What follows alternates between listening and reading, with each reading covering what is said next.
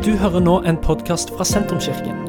Vår bønn er at du skal få lov til å oppdage mer av hvem Gud er, og hva slags liv han har for deg.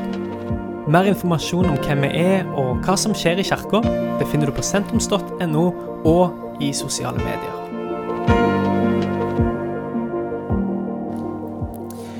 Da eh, skal vi denne søndagen eh, dele visjon.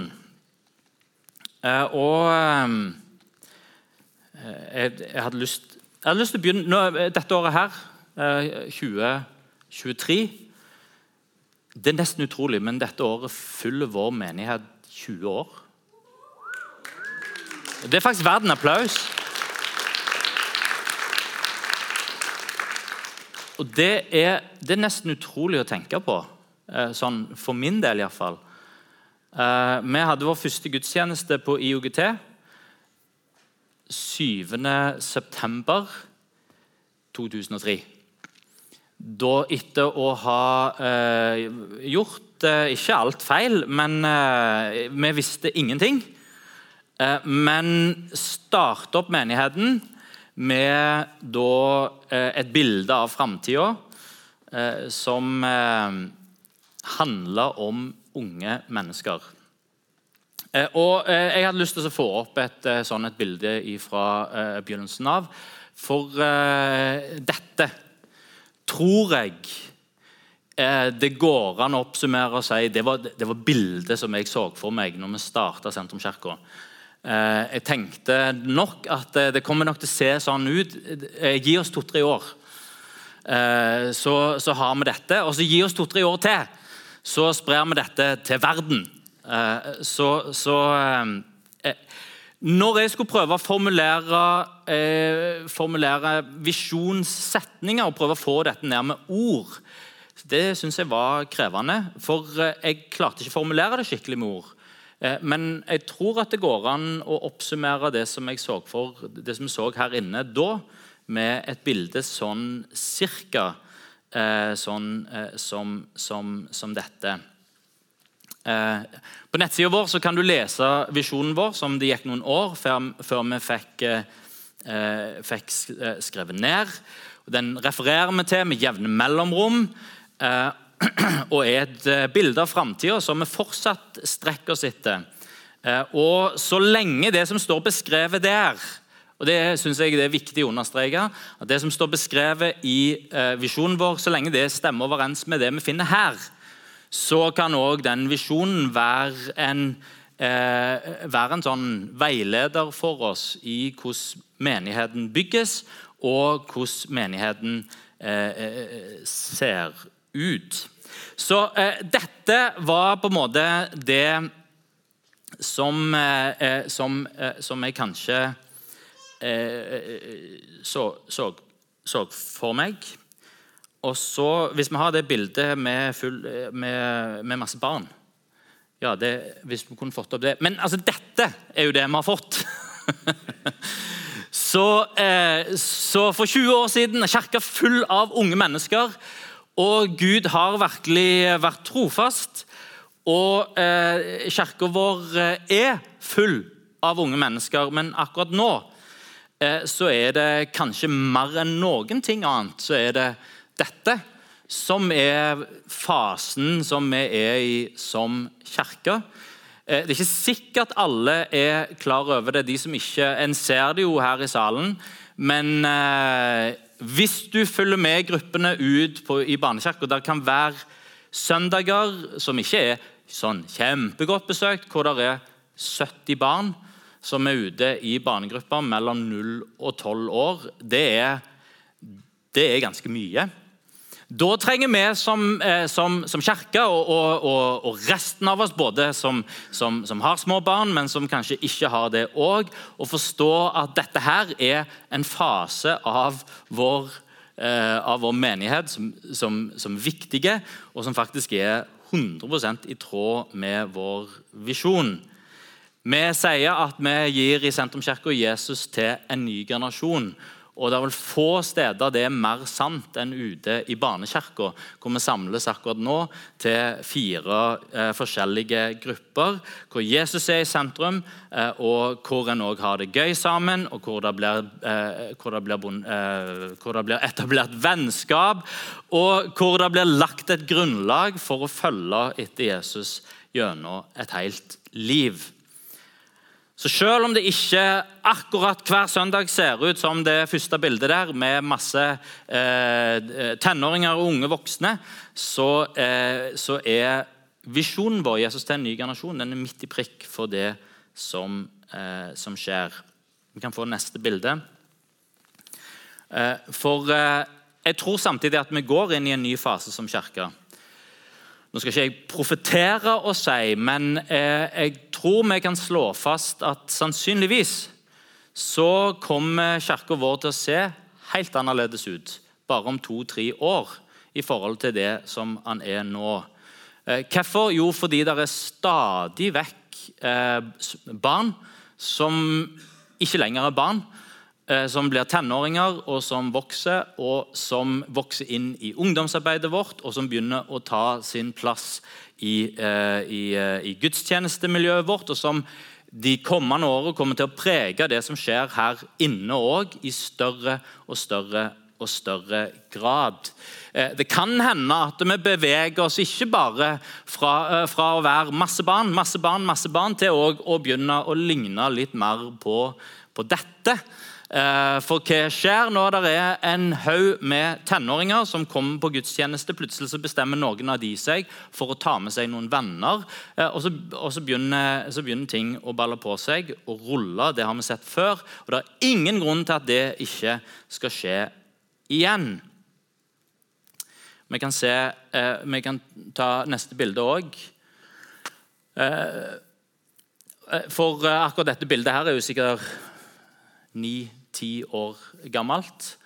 Eh, der er mennesker inni der som en kan dra kjensel på, som eh, ikke lenger er 13, 14 og 15 år. Eh, eller 20, som i, i et tilfelle der. Det er tid for ungdomsarbeid i Norge, og det er tid for ungdomsarbeid til å vokse.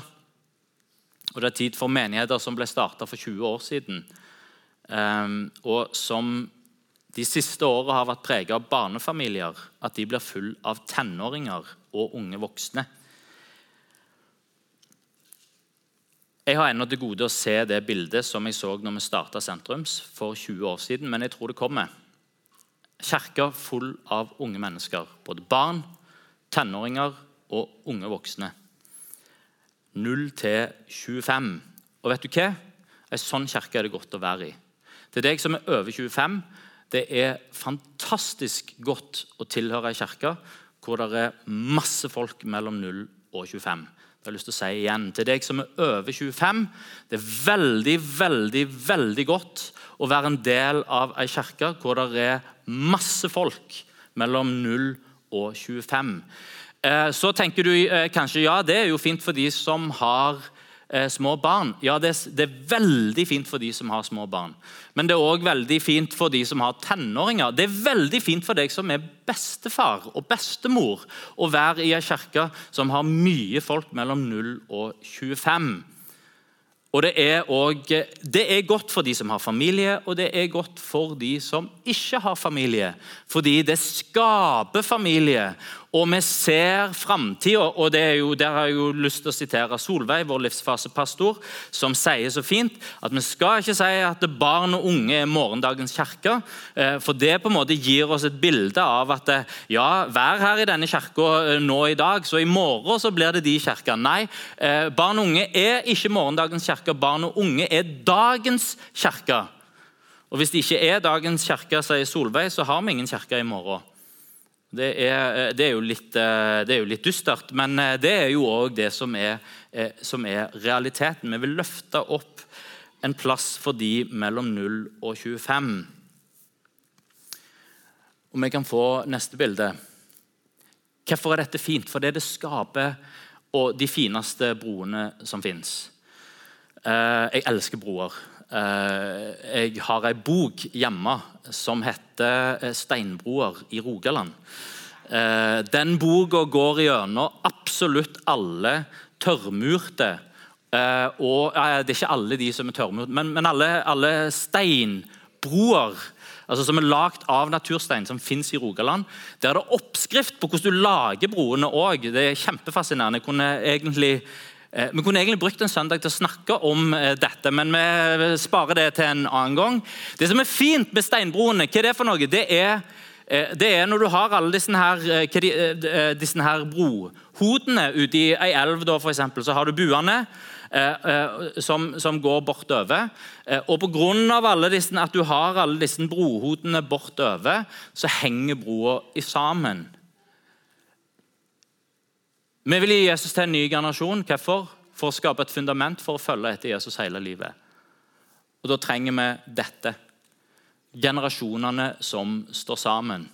Generasjonene som står sammen om nettopp dette og løfter fram den nye generasjonen.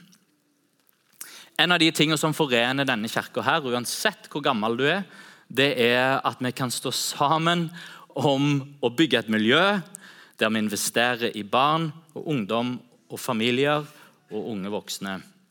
Sammen om å gi Jesus til en ny generasjon så følger vi Jesus gjennom et helt liv.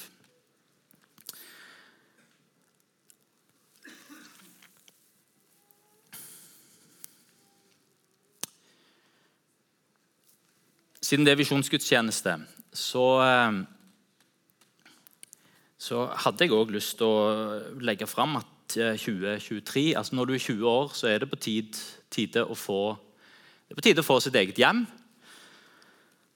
Og I flere år så har vi bedt om å få oss et bygg. Vi har bedt om å få oss et bygg innenfor bompengeringen. Jeg vet ikke om det er et kjempestort poeng at det må være det, men det er jo kjekt når en heter Sentrumskirka, å kunne ha noe som er i sentrum, og som er lett tilgjengelig for så mange som, eh, som mulig. Vi er voksne nå, og vi er klare til å etablere oss. Det å ha sitt eget hus det skaper tilhørighet både for oss som flytter inn i det, men ikke minst for de som vokser opp i det. Altså, vårt hjem, der, der, der, vår familie bor, det skaper jo tilhørighet for eh, meg og kona. Men aller mest så skaper det jo tilhørighet for de som vokser opp i det huset. Sånn er det òg med et kirkebygg. Det er tilhørighet for de som flytter inn i det, men kanskje enda mer tilhørighet for de som vokser opp i det. Et bygg for neste generasjon. Det å ha et bygg sier noe om at vi er kommet for å bli, fordi et bygg blir stående. Eh, Iallfall hvis det er fint. Eh, det kunne vi også brukt lang tid på. Vi skal ikke gå inn i det. Vi må bygge fint, sånn at bygg blir stående eh, og ikke forsvinner etter 30 år. Eh, så Det skaper tilhørighet for den som flytter inn, og for de som vokser opp. Det blir stående. Et hus og et bygg gjør oss synlige i byen og gjør at en er en del av bybildet og del av helheten. Og en har en arv å gi videre til neste generasjon. Det som er fint å si her når en har en visjonsgudstjeneste og ser framover, det er at vi er to steg nærmere å få oss et eget bygg. Vi har vi har, eh, vi har, kjøpt tomt, og det vet jo de fleste. Vi har kjøpt tomta bak IOGT-bygget. Og vi har òg gitt eh, et tilbud til IOGT som de har tatt imot, der de er klar til å selge, og der vi er klar til å kjøpe når vi bare har egenkapital på plass. Det betyr at 2023 kan bli året der vi tar det neste steget igjen, eh, og, og faktisk da eh, får oss et eget bygg.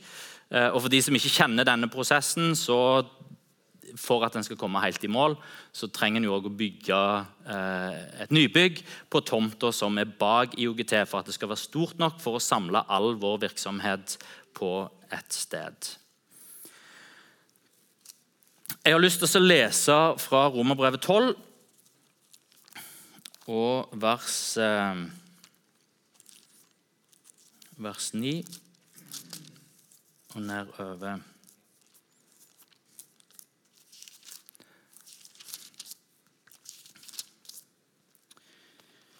Vi har begynt dette året med å snakke om å tjene ut ifra gavene sine. Eh, og I avslutningen av det så står det en beskrivelse av hvordan det ser ut i en kirke der en tjener med gavene sine, og der alle finner sin plass. Det ser ut sånn som dette. La kjærligheten være oppriktig. Avsky det onde, hold dere til det gode. Elsk hverandre, hverandre inderlig som søsken. Sett de andre høyere enn dere sjøl. Vær ikke lunkne, men ivrige. Vær brennende i ånden. Tjen Herren. Vær glade i håpet, tålmodige i motgangen, utholdende i bønnen. Vær med og hjelp de hellige som lider nød, og legg vind på gjestfrihet. Velsign de som forfølger dere, velsign og forbann ikke. Gled dere med de glade, og gråt med de som gråter. Hold sammen i enighet. Gjør dere ikke for høye tanker, men hold dere gjerne til det lave. Vær ikke sjølkloke. Gjengjeld ikke ondt med ondt. Ha tanke for det som er godt for alle mennesker.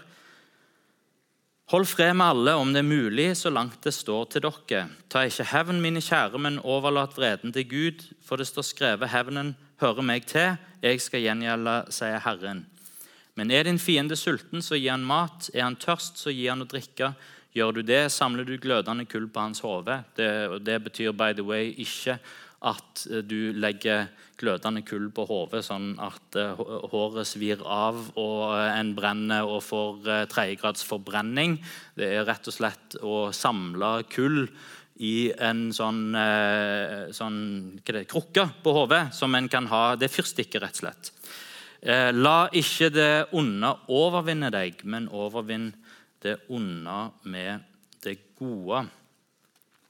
Dette kan godt være visjonen for hvordan sentrumskirka skal se ut. For sånn beskriver Paulus livet i en kristen menighet hvor gavene er på plass. Og Det var det første poenget jeg hadde lyst til å få fram. Jeg hadde tre poenger jeg hadde lyst til å få fram. Vi er kirker med mange ulike gaver, men vi har samme mål.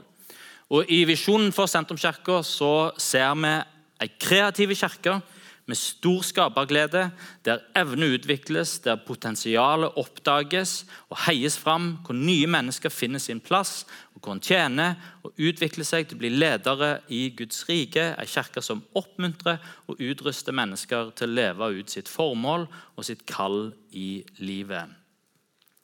Eh, og For deg som har fulgt med de to siste søndagene, så, eh, så vet du dette. Bibelen sammenligner menigheten og kirken med en kropp. Kroppen har ulike lemmer som hver for seg har ulike oppgaver. Eh, der er det viktig at øya skal ikke sammenligne sin oppgave med det som hånda gjør. De er avhengig av hverandre. Hånda skal ikke sammenligne sin oppgave med, eh, med øya. For det er klart, Ei hånd kan se. Eh, du kan på en måte eh, kanskje føle deg fram til hvordan, Norge, hvordan, du tror at Norge ser ut. Men det er aller best hvis vi lar, hvis vi lar øya eh, eh få se, og så eh, kan hendene få lov til å vifte eh, og gjøre alle de tingene som ei hånd skal gjøre. De er avhengig av hverandre. Når øya ser rett, så vet hånda hva en skal gjøre. Vi har ulike gaveutrustning i vår personlighet. Det dyktiggjør oss for ulike oppgaver og tjenester. Alle skal ikke og kan ikke gjøre det samme.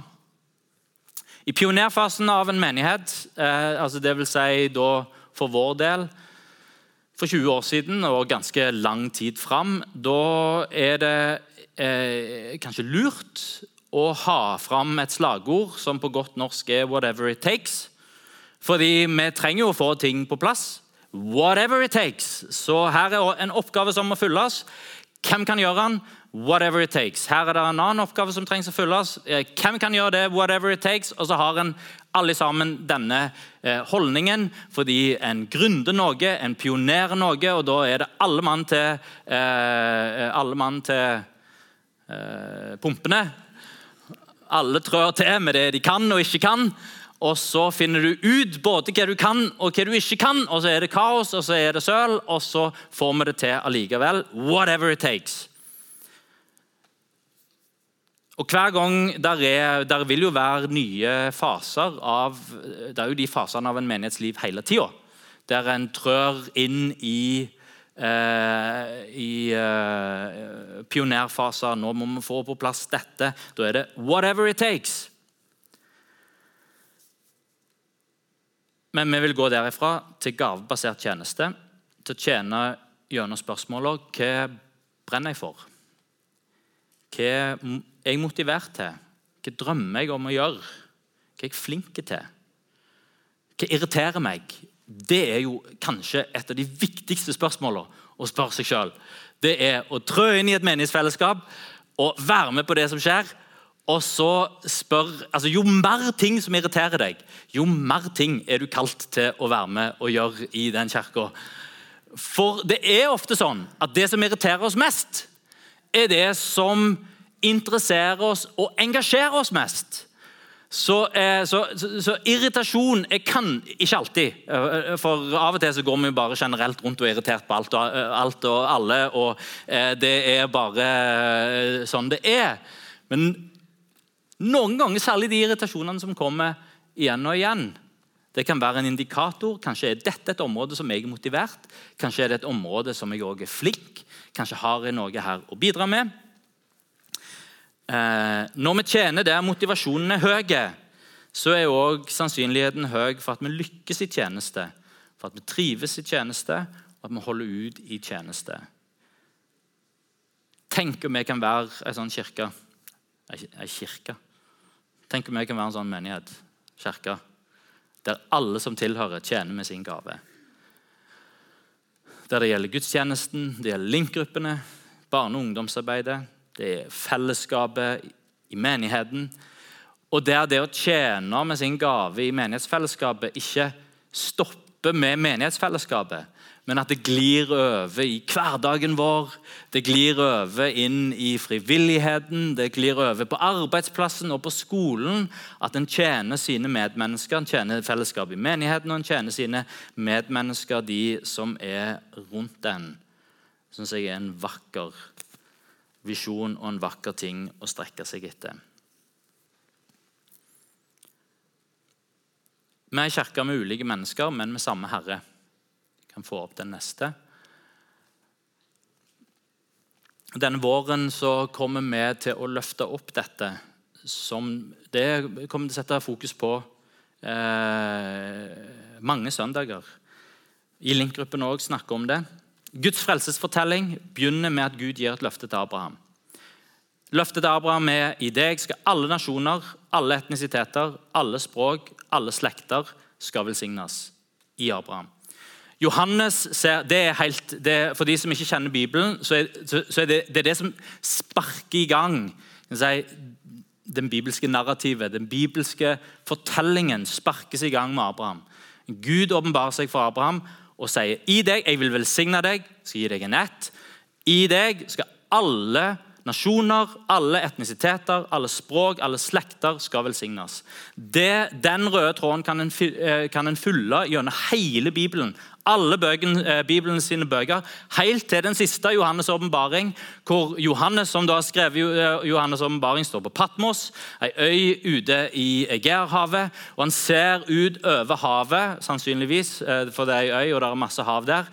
Og, og Gud åpenbarer ting som handler om framtid. Både nåtida, altså tida han lever i, men òg framtida, det som kommer. Og I åpenbaringen 7 så sier Johannes at han ser et folkehav så stort at ingen kan telle han, av alle nasjoner, alle etnisiteter, alle språk og alle slekter.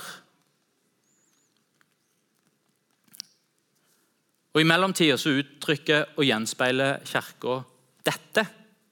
Paulus skriver i sitt brev til galaterne her er ikke jøde og greker. Her er ikke mann og kvinne. Her er ikke slave eller fri. Vi er alle ett i Kristus. For en vakker setning. Tenk om vi kan være en sånn menighet der en er samla på tvers av generasjoner. Her er ikke ung og gammel. Der fedrenes hjerte blir vendt til barna, og barnas hjerte blir vendt til fedrene. dette er viktig i vår tid. For det, vi lever i vår tid til, i stor grad sånne monogenerasjonelle liv. Det var et vanskelig ord. Men engenerasjonelle liv der en forholder seg mer eller mindre nesten bare til de som er ens egen alder. Særlig er dette sant i noen faser av livet. Eh, det er klart Så lenge en bor hjemme hos sine foreldre, så må en jo forholde seg i fall til sine foreldre. Men i det øyeblikket en flytter ut og hjemmefra og en begynner å studere, så er verden er bare studenter. Eh, og Så får han sitt første barn og gifter seg og får sitt første barn. Gjerne når han gifter seg, så er han plutselig bare eh, tre-fire andre vennepar som også er gift og ikke har fått barn ennå. Og Så får han sitt første barn, og så er plutselig alt handler om andre som har, eh, som har, eh, som har Hva er dette for noe? Jeg har glemt av det så lenge siden de var små. Eh, barnevogn. Og En går og triller rundt sammen, og, og, så er liksom alle rundt de bare snakker om bleier og uh, sover lite og alt dette som skjer. Uh, uh, og det samme skjer når en blir eldre.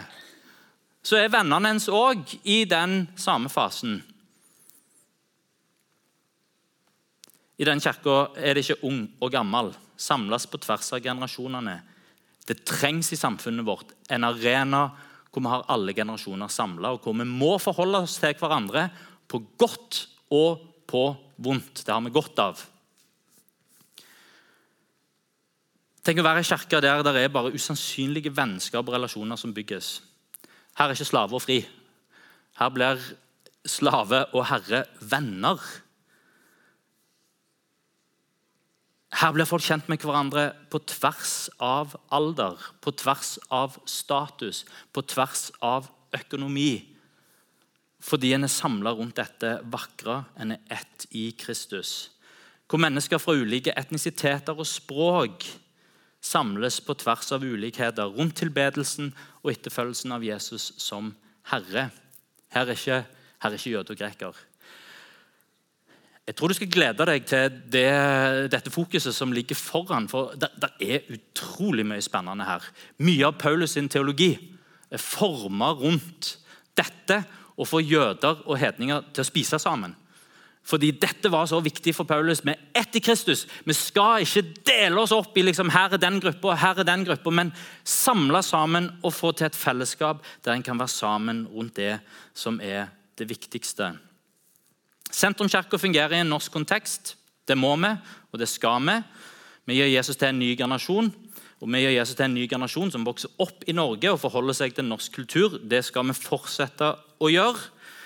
Eh, så Vi må være i innspill med kulturen vår. Vi må være i innspill med, med populærkulturen og det som skjer rundt oss, for å eh, kunne skape det miljøet der det er, eh, der det er enkelt å koble på Jesus når en, når en vokser opp i kirka.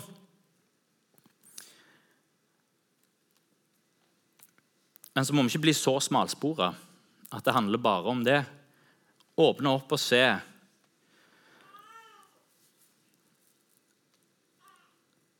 At vi er ett i Kristus, men vi er masse ulike mennesker med ulike etnisiteter, ulike språk, ulike kulturer der en må jobbe litt med å finne ut av hvordan fungerer dette her sammen, og der det er usannsynlige vennskap og relasjoner som bygges. Tenk om vi kan fylle opp kirka vår med mennesker fra alle språk, kulturer, etnisiteter og nasjoner, og gi et bilde av det som Gud, eh, det som, som, som, som Gud gjør gjennom hele Bibelen, og som vi vet er det som Eh, som historien eh, går mot.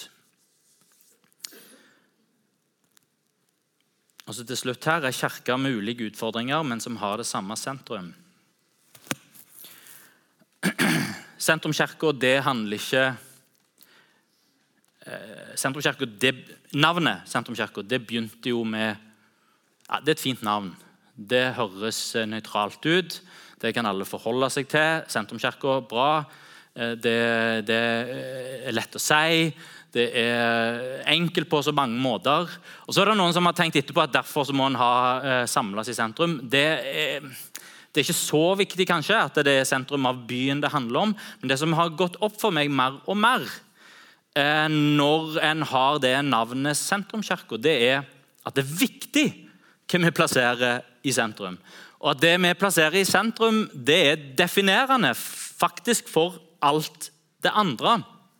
Vi ønsker å være Jesus-sentrerte og plassere Jesus helt i sentrum. Eh, og skal han, skal han, bruke noe som unnskyldning for at vi heter Sentrumskirka, så la det være det. Vi ønsker å ha Jesus i sentrum. Og Hva handler det om?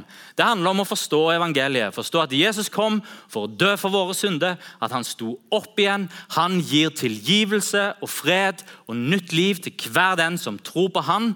Eh, og eh, vi kan få tak på det evige livet, og det evige livet er ikke bare evig der framme i evigheten, men det evige livet som han gir, er et kvalitetsliv som begynner her nede på jorda, og som er kobla til hans nåde, hans kjærlighet og til hans fred. Når en forstår evangeliet, så er en trygg. Jeg er tilgitt uansett hva jeg har gjort, uansett hva jeg har, eh, hva jeg har bom, hvordan jeg har bomma, hvordan jeg har falt. Jeg kan få tilgivelse og nåde og gjenopprettelse. Og jeg kan være trygg i hans kjærlighet, og jeg kan få erfare hans fred. Jeg er tilgitt. Så handler det òg om etterfølgelse. Eh, og det handler om å være overgitt. Og Hver gang du leser i Bibelen når du ser at dette uttrykket 'Jesus som Herre' er brukt, eller hver gang du ser uttrykket eh, 'å omvende seg' blir brukt, hva er det for noen ting?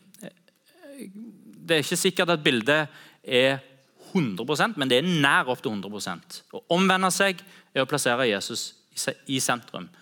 Istedenfor å si at troen på Jesus det er en bit av livet mitt som, som, som, som, handler kanskje om at jeg går i kirka, at jeg leser Bibelen av og til, eh, at jeg eh, noen ganger eh, ber, at jeg er med noen kristne venner med i gruppa. Der har du liksom en, en, et kakestykke av, av, av, livet mitt. Det kalles for tro og Jesus og kirka. Istedenfor å omvende seg ha Jesus som herre, det er å plassere Jesus helt i sentrum. Sånn at Jesus får lov å påvirke alle delene av livet. Hvordan jeg gjør vennskapene mine, eh, eh, hvordan jeg oppfører meg på jobb, det er familielivet, hvordan jeg forvalter økonomien min, min moral, eh, hva som er viktig i livet. Alle disse tingene informeres av at Jesus er i sentrum, og hva han tenker. Og så handler det òg til slutt om å lære Jesus å kjenne. Jeg tror eh, bandet kan eh, komme opp og gjøre seg klar.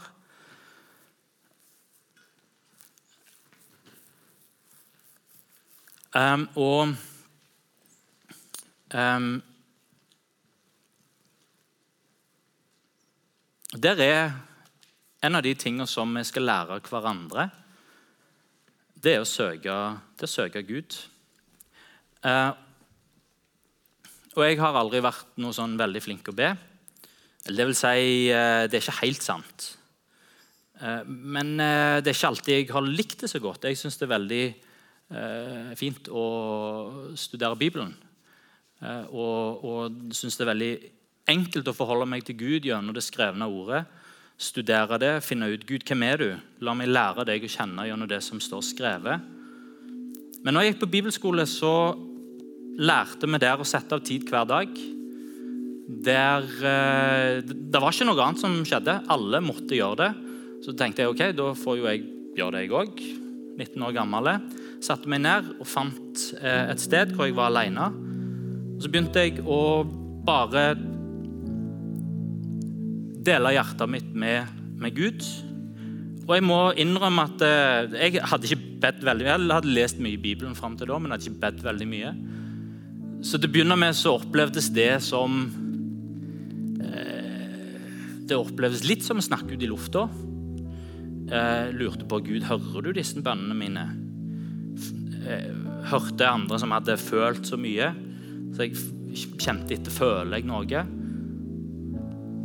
så følte jeg veldig lite òg. Noen ganger så så vandra tankene vekk på helt andre ting. Men gjennom et år hvor noen hjalp meg til å sette av tid hver dag til å være med Gud, så skjedde det virkelig noe. Ikke bare fordi jeg hørte god undervisning fordi jeg leste i Bibelen, men fordi jeg lærte Gud å kjenne gjennom bønn. Så vi kan lære Gud å kjenne gjennom Skriften. Vi kan lære Jesus å kjenne gjennom Skriften, og vi lærer Jesus å kjenne gjennom bønn. og Dere har hørt meg si det mange ganger, og jeg har lyst til å si det mange ganger òg. Fordi jeg tror det er så viktig. Det er den gamle Eugene Peterson. Han er jo død nå, men han eh, oversatte Bibelen til hverdagslig, eller det vil si, det er ikke så hverdagslig var det ikke, men poetisk engelsk. Um, og Han var pastor hele sitt uh, yrkesaktive liv. Og det han sa, Min oppgave som pastor det er å lære menigheten å lese Skriften. Og så er det å lære menigheten å be. Og etter hvert som jeg blir eldre, så ser jeg at det å lese Skriften er å be. Og det å be uten å lese Skriften er vanskelig. Vi ber det som Skriften sier. Så Derfor så kalte han det for bønneskriftlesning og skriftlesningsbønn. Nemlig det å nærme seg Gud gjennom Skriften og gjennom bønnen. Og gjøre disse to sammen. Eugene Petersen han oppmuntrer menigheten sin til å gjøre det som jødene har gjort i alle år, nemlig slå opp i salmene og så lese salmene høyt som bønn og tilbedelse. Hvis du sliter med å be høyt, skal jeg gi deg et helt gratis råd. Slå opp i salmene, så leser du ei salme høyt for deg sjøl. Du har bedt. Salmene er bare det er 150 salmer av vakker, poetisk rå bønn. Både når en er glad, takknemlighetssalmer, jubelsalmer når en virkelig er glad, men òg klagesalmer. Salmer til, som en kan øse ut hjertet sitt når en har det vanskelig. Og de er skrevet ned for at en kan gjøre akkurat det. En kan be Skriften. Du kan slå opp i Efesene 1, 15-21, som jeg leste før i dag. Så kan du be, lese det skriftstedet høyt. Det er bønn. Skriften ber. Vet du hva vi gjør når vi lovsynger? Å lovsynge det er bønn med melodi på. Og tilbedelse med melodi på. La oss være ei kirke som ber, som leser Skriften, og som lærer Gud å kjenne gjennom bønn og Hans ord. Jeg har spurt eh, dattera mi Lydia om også være med skal vi synge en sang. Du kan bli sittende, og den handler om lengselen etter å kjenne Gud.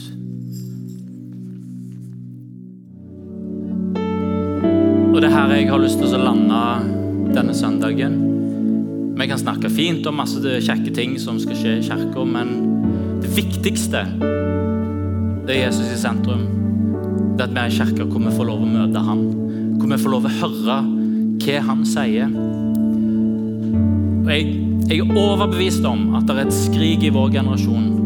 Det er ikke så mange som går og spør etter Jesus og etter Gud. Det er egentlig veldig lite nysgjerrighet i vår generasjon på det som har med Gud å gjøre og i vår tid.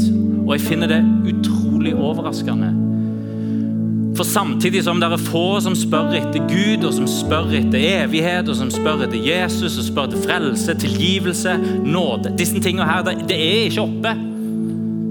Men samtidig så er det en hel generasjon som skriker ut etter mening. Og det er det som er foran det. Meningsløshet. Hva er egentlig meningen med livet? Hva er meningen med alt sammen? Hvor er, hvor er verden på vei hen? Hvor er jeg på vei hen? Hva skal jeg gjøre for noe? Og det gir jo ikke mening at det meningssøkende mennesket søker en mening som ikke fins der. Hvert menneske som roper ut, det må være noe mer. Hvert menneske som søker, det må være en dypere mening med livet. Bare rope ut en lengsel etter Gud. Han som har skapt oss, han som har skapt alt som er, han som er opphavet til mening. My heart and my flesh cries out for you. La den lengselen til å finne dypere mening, finne hensikten og formålet med livet, la den lede oss til Gud. Du kan ta og lukke øynene dine hvis du vil. Jeg har lyst til å be for oss alle sammen. Hvis du vil, kan du godt òg legge hånda di på hjertet, bare som et tegn på at Du ønsker at Gud skal berøre deg og snakke til hjertet ditt. Herre Jesus, jeg ber om at vi skal få en berøring av deg. Jeg ber Herre Jesus om at vår lengsel etter noe mer i livet Jeg ber om at den skal lande hos deg, Herre. For vårt hjerte, vår kropp, Herre, våre følelser, de roper ut til deg, Herre. Jeg ber, Herre, for oss som fellesskap, oss som individer. Jeg ber denne våren, Herre, la oss få møte deg på dypet, Herre. Må du berøre hjertene våre, Herre. Berøre følelsene våre, Herre. Berøre vår tanke. Ber, Herre, når vi samles til gudstjeneste her, Herre, at du er midt iblant oss, og at du berører oss. Herre, når vi tar tid hver på vår plass i godstolen eller eh, på en stein i hagen, eller hvor det skulle være, Herre, at du møter oss der. Gjennom ditt ord, Herre, og at du snakker til oss. Og snakker til hjertet vårt, Herre, for vårt hjerte og alt vi er, roper ut etter deg, Herre. Takk at du er